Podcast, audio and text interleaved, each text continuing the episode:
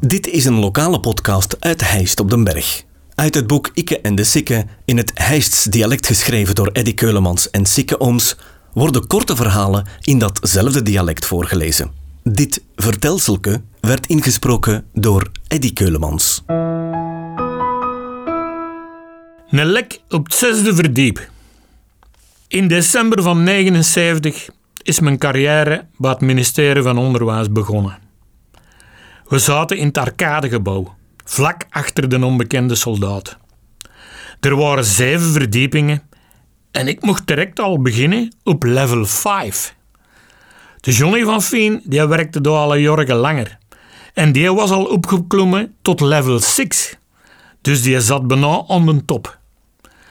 Hij wees maar de weg naar alle cafés en dansings in de geburen en dat was nodig, want ik ga in die van Brussel nog nooit niet geweest. We rijden samen op en af. In het begin met de bus, maar dat weer me rap meug. En dan besloten we om ieder overhand met de auto naar Mechelen te rijden. We parkeerden op Neckerspoel of aan de grote Stase, al naar gelang dat er een trein was. Op zekere dag zaten we allebei zonder auto. Maar dat was rap opgelost, want we kregen een lift van Wenda van Gabi van Fien, een nicht van de Johnny. Die werkte toen in Mechelen. En voor de moment had ze nog altijd het café van Fien open. Café Centrum in de Bergstraat, allen daarheen. Ik zat van achter in de auto en de Johnny van Veu, neffen en Wenda. Op Neckerspoel aangekomen gingen we uitstappen, want daar was juist een trein. Maar het regende dat goed en ik deed mijn deur open, maar ik had te laat gezien dat er dan een kerel op een vlauw aangevlogen kwam, die ons last rechts verbaasd stak. In een reflex trok ik die deur terug toe, maar die gast had zijn eigen al opzij gesmeten, die rokte met zijn vuilwiel de trottoir, die ging over kop en die schoof op zijn boog wel 15 meters verder in een diepe plas onder de brug van Neckerspoel. Ik dacht, ai, ai, ai, ai, neig hem het kragen.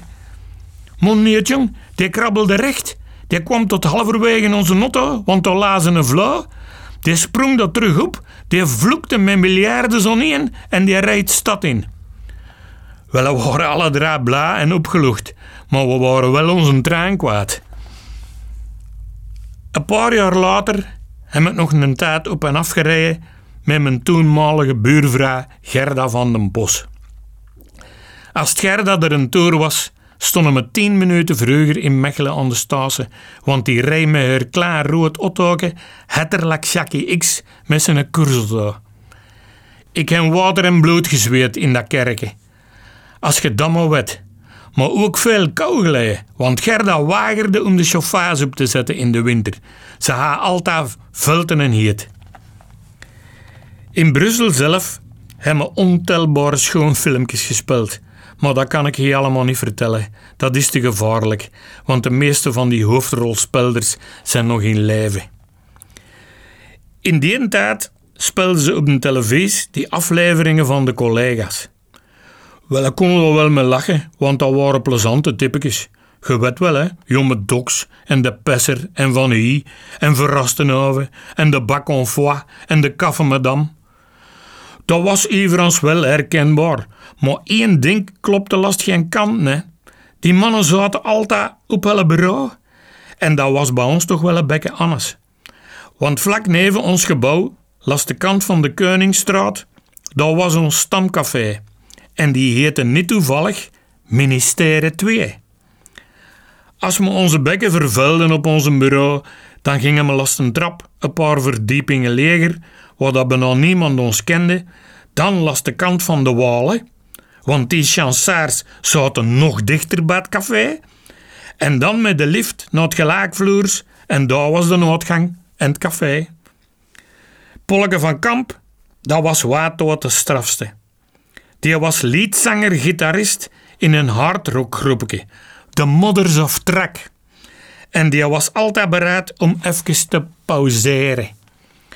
Die kon boeren laten van wel 30 seconden lang. En smiddagsmergens zat hij op de trein in zijn dingen, waar dat hem zondags s'nachts mee opgetreden had.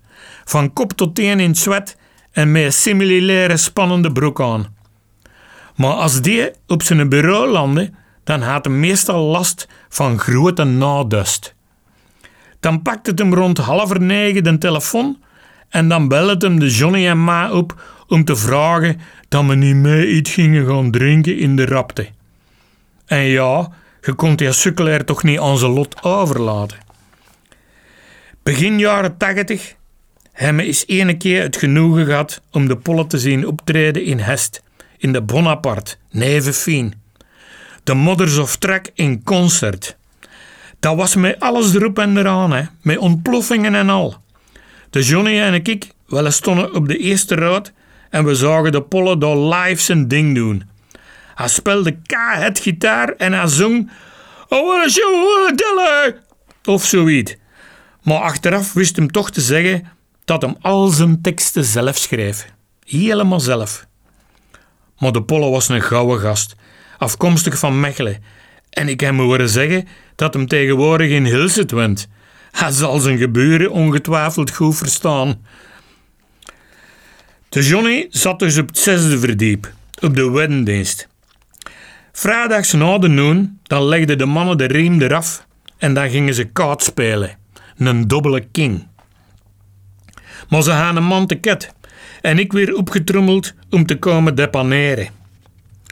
De Van Houwermeire, dat was de adjunct-adviseur op het zesde. Dat was een hoge rang, dus je moest minder doen, maar je kreeg wel een dikker prei. Die moest na dan eens komen zien wat dat zijn krawaten aan het doen waren, maar die wist goed genoeg dat hem dat vrijdag zachtnoens niet welkom was. Op een keer moest een van ons gevieren op een vrijdag dringend een vroegere traan pakken. En we kregen onze dubbele king niet uitgespeld. Dus, we spraken af om dan na het weekend smergens vroeg even vet uit te spelen. Die maandag zaten we dus met vier rond het bureau van de Johnny. Was mijn tour voor troef te maken en in ons ging de deur open en de Van Houwermeijer kwam binnengestapt. Hij zag ons daar zitten met ieder dertien kaarten in ons handen en hij zei: Nu overdrijft je toch. En hij ging schuddebollend en gedesillusioneerd terug naar zijn eigen bureau. Op een andere keer was er in de Johnny's een bureau eens een lek.